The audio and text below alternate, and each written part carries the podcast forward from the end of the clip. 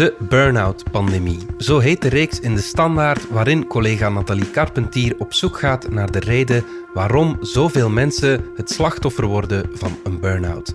De reeks maakt heel veel los bij onze lezers. Wordt de ziekte van deze tijd door het arbeidssysteem veroorzaakt of door onze eigen verlangens en perfectionisme?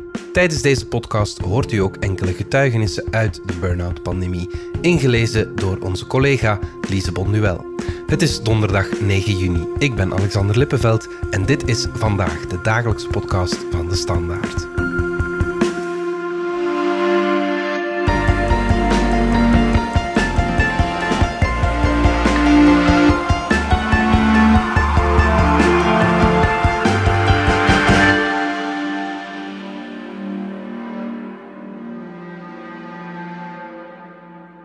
Jana, 25 jaar.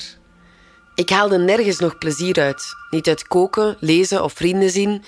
Ik voelde niets meer. Ik wou gewoon slapen. Ik haat hoe ik nu ben. Te pas en te onpas krijg ik huilbuien.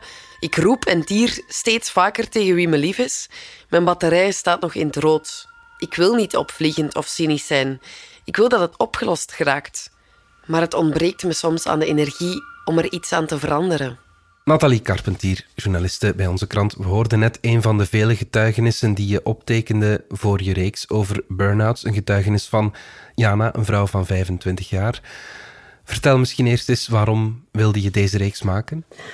Om heel veel redenen. Misschien eerst, het is totaal geen nieuw fenomeen. Je kan overal tips lezen om te kijken, loop je risico of niet? Werknemers zijn ervan op de hoogte dat het eh, een probleem kan zijn voor een bedrijf. De sociale zekerheid weet het ook heel goed het is zelfs al vrij lang bezig en toch blijven er mensen tegenaan lopen. Ik ken iemand in mijn omgeving die al heel lang een burn-out heeft. Ik zie nu nog mensen uitvallen. Ik ken een burn-out coach die is uitgevallen. Ik ken mensen die op heel hoog niveau functioneren, die een kindje verwachten en die zeggen hoe ga ik dat in godsnaam combineren met mijn werk? En je voelt dat die in het rood zitten, dat die moeten opletten. Dus ik zie het gewoon heel veel rondom mij. Dus ik had zoiets van hoe kan dat toch, dat dat niet verbetert, dat we niet leren uit het verleden? Waarom krijgen we dat niet opgelost? Ja, je noemt het zelfs een pandemie. Dat zijn niet mijn woorden. Dat citaat komt van een buitenlandse bedrijfsleider. Een quote die in de krant heeft gestaan. Ik vraag me af of hij het niet cynisch bedoelde, zelfs. Want het was iets van na de corona krijgen we nu misschien een nieuwe pandemie, de burn-outs. Dus ik weet het niet. Ik hoop dat hij het niet cynisch bedoelde. Maar de cijfers zijn wel hoog. Vorige week zijn er nog nieuwe cijfers bekend geraakt van de KU Leuven en Securex, die in 2018, 2019 hebben geschat op basis van een steekproef met een nieuw meetinstrument dat ongeveer een kwart van de werknemers het risico liep op een burn-out en dat is intussen gestegen tot een derde. Dus we zijn er zeker nog niet vanaf. Het blijft heel aanwezig. Je kiest ervoor om met mensen te praten die het doormaken, niet met experts. Waarom? Het idee was om met heel veel verschillende mensen te praten. Eigenlijk om het te begrijpen vanuit zoveel mogelijk hoeken. Dus zowel mensen die er tegenaan lopen, als professionelen die met mensen werken, als experts die het onderzoeken, als bedrijven die ermee geconfronteerd worden. Er is al heel veel geschreven over burn-out, maar heel vaak waren dat getuigenissen van mensen die eruit waren. Die een oplossing hadden gevonden en die terugkeken.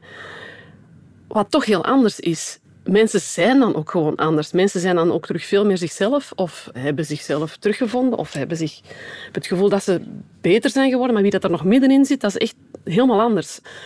Die mensen dat zijn vaak heel bevlogen mensen die zichzelf totaal kwijt zijn en die voelen zich echt machteloos. Die willen daaruit, die weten soms niet hoe.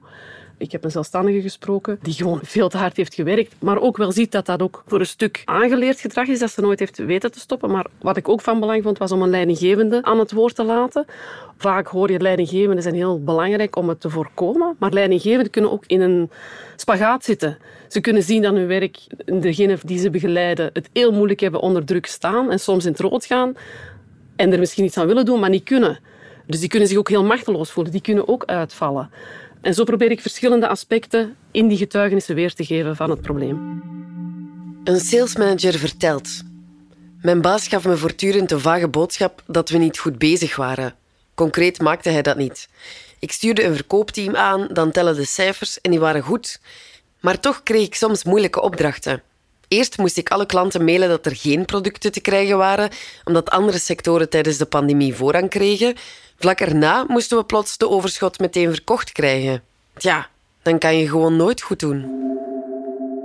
Dat was een getuigenis van een sales manager. Nathalie willen mensen gemakkelijk getuigen, want ik kan me inbeelden als je, als je kan terugkijken daarop dat je iets gemakkelijker wil praten dan als je er echt nog volledig in zit. Hè?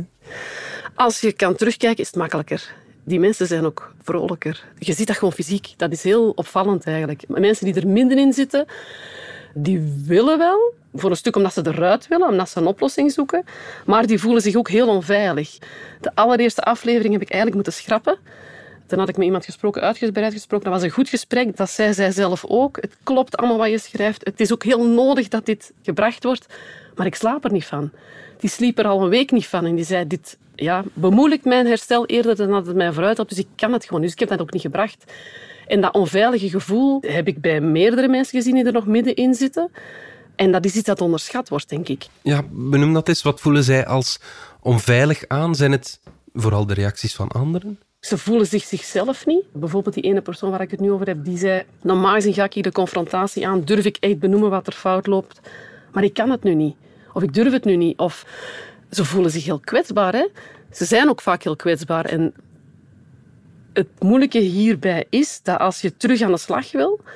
Want veel mensen hebben een job doodgraag gedaan. Of doen ze doodgraag. Maar ze voelen van, er moet iets veranderen, want op deze manier kan ik niet voort. Dus dan moet je het gesprek aangaan met je werkgever. En dat is ongelooflijk moeilijk als je zo diep zit. Het valt mij toch ook op dat een aantal mensen toch liever anoniem getuigt. Is dat omdat ze toch nog schrik hebben van, ja, van reacties van anderen? Of dat er toch nog een beetje een taboe rondhangt? Dat speelt zeker ook. Ik heb ook gesproken met een burn-out coach, Luc de Wulf. Die zei ook van ja, heel veel mensen met een burn-out, die krijgen eigenlijk het advies als ze thuis zijn van doe vooral wat je graag doet. Zet daarop in, zodat je terug energie krijgt, zodat je terug je beter in je vel voelt ook. Maar soms, zeg, hij zegt van, soms zou ik willen zeggen, maar doe het in het verdokene. Want als je dat doet en mensen zien dat, dan hebben ze zoiets oh, in de tuin werken kan wel, maar werken gaat niet. Dat klopt toch niet? Dat, is, dat stelt zich aan. Terwijl dat die mensen dat eigenlijk net nodig hebben om er terug bovenop te komen, om, zich terug sterker te voelen. Dus er is wel er is een taboe, er, is ook wel een, zit ook een oordeel op. En dat hoor ik ook van verschillende mensen, is dat je, dat je soms de hardste commentaar krijgt van degene die zelf bijna in het rood zitten. Die het niet willen zien of zo. Dus dat is moeilijk, hè, want je weet wat je moet doen en tegelijk voel je je schuldig als je dat zou doen. Sinta, 46 jaar. Mijn grootste fout is dat ik niet op de juiste manier voor mezelf heb gezorgd. Nu zich dat wreekt, sta ik er alleen voor. Net als bij kanker verlies je kracht die waarschijnlijk nooit meer volledig terugkomt. Maar burn-out is onzichtbaar waardoor de omgeving het op jou afschuift en jij je schuldig voelt. Met ons welzijn is het zoals met de planeet. Je kan iets niet onbeperkt blijven uitbuiten. Dat was een getuigenis van Sinta, 46 jaar.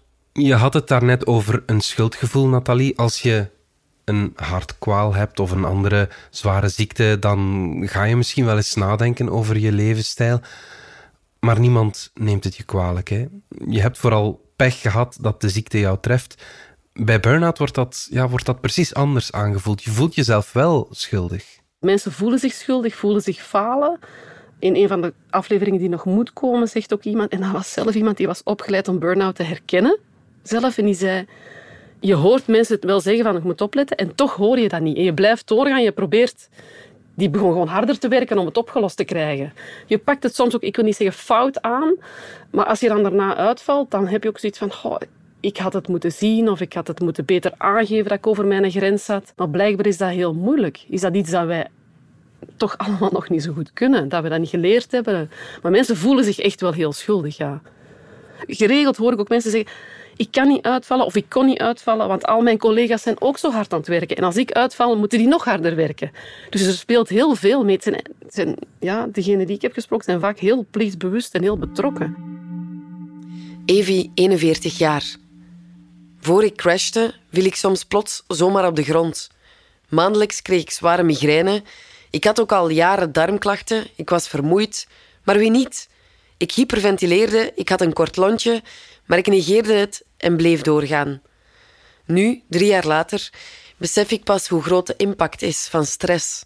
Je lichaam vertaalt mentale worstelingen in fysieke symptomen, tot ze niet meer te negeren zijn.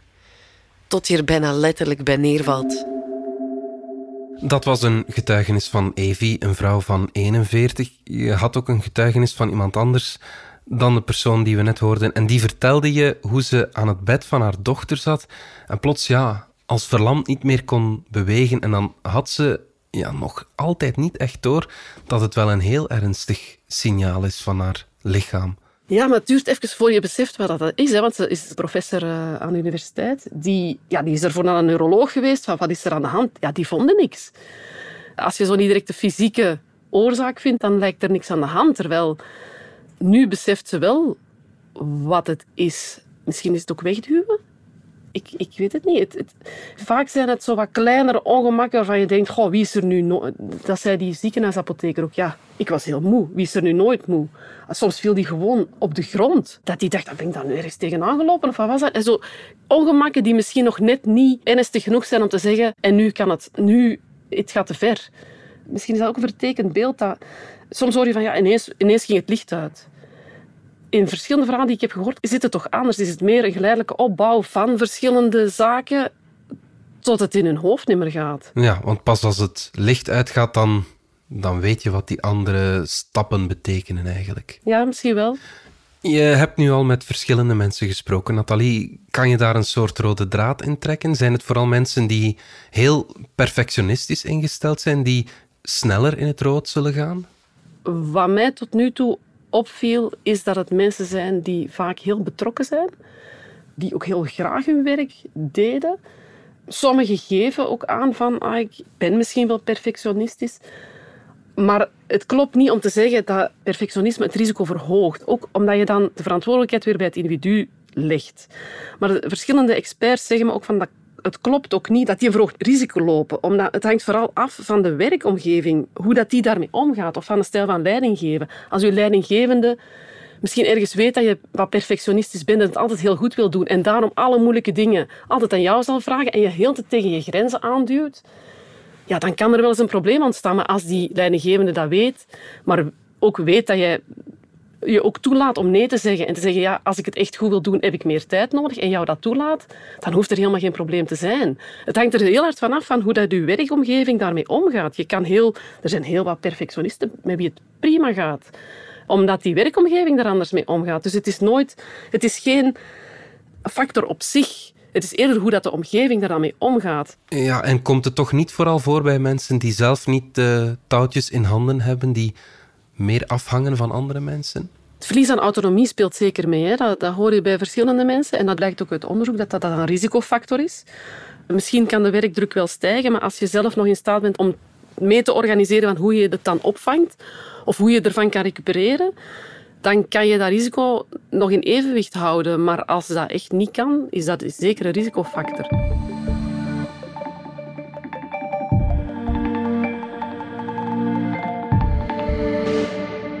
We gaan er even uit voor een korte mededeling. In Groot Gelijk hebben we het deze keer over de boeiende en immer actuele vraag die elke millennial bezighoudt.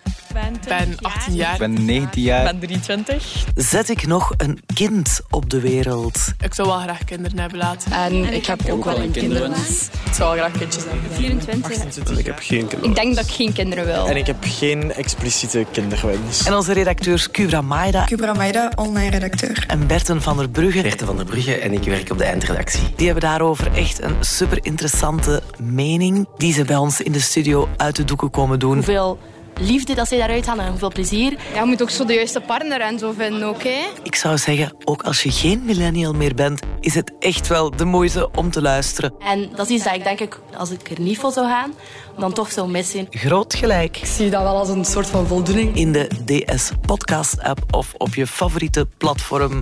Tot dan, dag. Nathalie, terug naar jou, naar eh, het onderwerp burn-outs. Het valt mij op in de vele getuigenissen die je verzamelde dat het altijd werkgerelateerd is.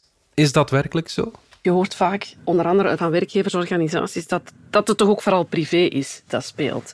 Terwijl onderzoek zegt eigenlijk heel duidelijk dat het vooral hoofdzakelijk werkgerelateerde factoren zijn die aanleiding geven tot burn-out klachten. En dat lucht mensen ook wel op, omdat ze zich ook vaak schuldig voelden van ah ja, het ligt aan mij, aan mijn persoonlijkheid of mijn thuissituatie. De vraag is dan van, speelt dan de privésituatie totaal geen rol? Natuurlijk wel, maar op een andere manier dan werkgeversorganisaties graag benadrukken, zegt uh, professor Hans de Witte van de KU Leuven, dat er onderzoek naar heeft gedaan. Eigenlijk, normaal gezien werkt je thuissituatie als een buffer. En als je moe uh, bent van het werk, dan kom je moe thuis en zit thuis alles goed, dan je daar weer opladen en kunnen herstellen en recupereren. Maar zit er thuis ook spanning en kun je daar niet recupereren, dan kun je niet recupereren van je werkstress. En dan kun je in een vicieuze cirkel terechtkomen. Maar de oorzaak is niet de thuissituatie. En uit onderzoek blijkt heel duidelijk dat de impact van je werkproblemen die je mee naar huis neemt groter en dominanter is dan de impact van privéconflicten op je werk. Uh, maar het is wel een hardnekkig idee. Een leven bestaat uit werk en privé. Je hebt nooit alleen werk natuurlijk. Hè. Maar wat een, een, Nederlandse professor Vermette, die bezig is met chronische stress en trauma, ook zei, is bij burn-out hij noemt dat eigenlijk een vorm van allostase. Dat is een moeilijk woord, maar we kennen allemaal homeostase. Dat is eigenlijk dat je lichaam in evenwicht is. Dat je, stel, je moet dat voorstellen als een, als een balans met aan de ene kant 5 kilo en aan de andere kant 5 kilo. Wat er van u gevraagd wordt, is evenveel als wat je kan geven. Maar bij mensen met burn-out, je ziet dat in de periode ervoor, dat dat van 5 kilo naar 10 kilo is gegaan aan beide kanten. Of naar 15 kilo aan beide kanten. Dus uw belasting is verhoogd en wat er gevraagd wordt en moet gegeven worden, is ook verhoogd. En dat blijft in evenwicht, maar dat wordt wel veel moeilijker om dat in evenwicht te houden. En je riskeert dat er haarscheurtjes komen. En als er dan in je privé iets misgaat, ik zeg maar iets, een relatieconflict of een relatie die spaak loopt of een overlijden of iets anders, dan riskeer je veel sneller dat dat systeem volledig uit balans gaat. Normaal gezien kunnen dat dan nog wel aan, maar als je zo overbelast bent al heel lang, dan slaat het systeem gewoon tilt. En dan val je uit. En dat is eigenlijk ook, zegt hij, van, dat verklaart mee waarom dat mensen met een burn-out, heel vaak is dat een heel geleidelijk proces waarop dat op een bepaald moment kantelt het. En dat helpt wel om het te begrijpen, vind ik. En dan zit er ook wel die privé in. Hè? Maar dat is dan het puntje dat u, dat u doet kantelen. We horen nog eens een getuigenis van Evi. Evi, 41 jaar. De vergelijking van een burn-out met een leeggelopen batterij gaat niet op. Dan zou je probleem opgelost zijn als je weer volledig bent opgeladen. Zelfs toen ik alleen maar leuke dingen deed, werd ik niet minder moe. Mijn batterij was niet gewoon leeg, mijn batterij was kapot. Dat is eigenlijk wel een goede definitie van een burn-out, denk ik. Hè, Nathalie? Het is niet dat je je batterij even weer moet opladen. Nee, je batterij is gewoon kapot. Ik kan natuurlijk niet voor uh, iedereen spreken, maar in haar geval zei ze echt van om beter te worden moest zij bijna resetten. Ze zei, ik wist niet meer... Dat hoor ik ook van verschillende mensen van die thuis zitten. Ja, ze zeggen dat je moet doen wat je graag doet. Ik wist niet meer wat ik graag deed. Dan is het ver gekomen. Hè? En zij, die vrouw in kwestie zei ook van ja, ik moest mijn grenzen aangeven. Ik wist niet waar ze lagen. Dus die is teruggegaan naar de werkcontext om te voelen dit is over mijn grenzen, dit niet. Omdat je, had, die had gewoon nooit meer naar haar lichaam geluisterd. Die had dat heel net veronachtzaamd, waardoor ze het ook niet meer wist wanneer het haar te veel werd. En dat is wel iets dat je vaker hoort, dat we dat te weinig kunnen of te weinig hebben geleerd van luisteren naar wanneer het eigenlijk genoeg is geweest. Wanneer we nood hebben aan recuperatie. Ik denk dat we dat misschien niet goed meer kunnen. Aan het begin van ons gesprek zei je dat burn-outs ook niet nieuw zijn.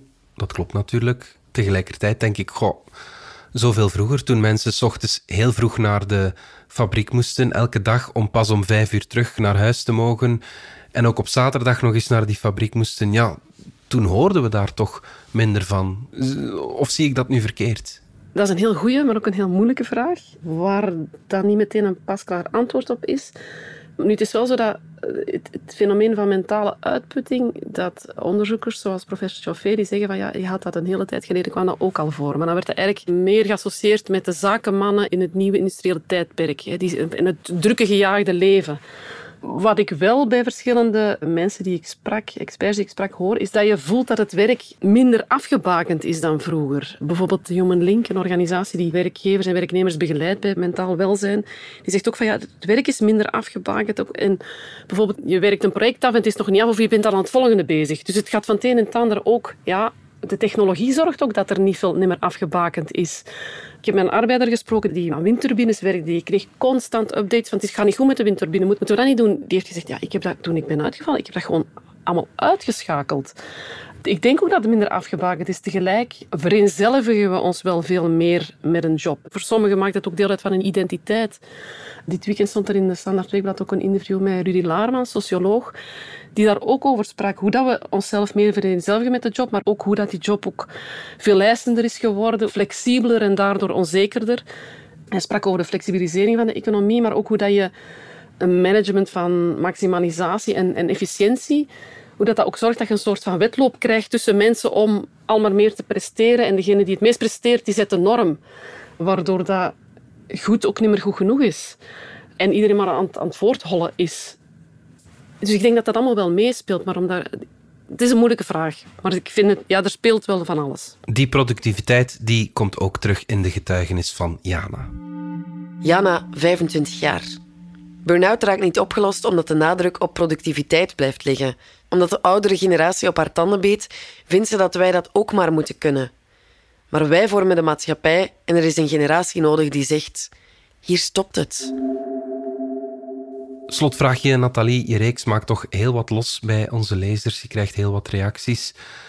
Wat hoop je dat je bereikt hebt met je reeks? Ik hoop eigenlijk dat er meer begrip komt voor mensen met een burn-out. Dat het idee dat toch nog wel leeft, dan dat zijn mensen die niet willen werken, dat dat weggaat. Want heel vaak zijn het mensen die echt heel graag hun job deden, die zich er ook geweldig schuldig over voelen dat ze thuis zitten en die heel graag terug aan de slag willen, want die willen meetellen in de maatschappij. Ik hoop ook dat er bij werkgevers meer begrip komt. Er zijn zeker werkgevers die er al van alles voor doen hè, en die erop inzetten, maar ook dat er een opener gesprek over kan zijn. Want als je terugkeert naar je werk, moet je het gesprek aangaan. Maar zoals ik al zei, dat is heel moeilijk als je zelf heel hard in het rood hebt gezeten. Onderzoek wijst er ook op dat er best nog iemand bij zit.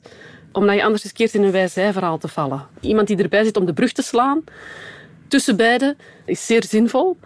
En ik hoop ook dat iedereen, werknemers en werkgevers, beseffen dat het van belang is om in te zetten op mentaal welzijn. En dat je eigenlijk vooral preventief moet werken. Dat hoor ik ook van heel veel gesprekspartners de gevolgen van te hoge eisen op het werk en alle andere risicofactoren komen pas tot uiting na lange tijd. Waardoor dat het heel lang kan lijken van het is niet zo erg om even, even in het rood te gaan. Maar als dat allemaal te lang duurt, dan zijn de gevolgen wel vrij vergaand. Terwijl als je preventief gaat werken en gaat zorgen dat moeilijke gesprekken mogelijk zijn, dat mensen mogen aangeven dat het te veel is en dat er naar oplossingen wordt gezocht binnen de mate van het mogelijke, dat begrijp ik allemaal wel, dan kan je veel verder komen. En inzetten op mentaal welzijn, preventief, is zowel voor de werknemer als de werkgever goed. Uh, en ik denk dat we dat zouden moeten zien. Dat, dat iedereen erbij te winnen heeft. Goed. Nathalie Carpentier, dank je wel. Heel graag gedaan. Dank voor het gesprek. Dit was vandaag de dagelijkse podcast van de Standaard. Bedankt voor het luisteren. Download onze app DS Podcast of volg ons op Spotify, Apple Podcast of eender welk ander podcastplatform. Alle credits van de podcast die je net hoorde vind je op standaard.be-podcast. Reageren kan via podcast.standaard.be. Morgen zijn we opnieuw.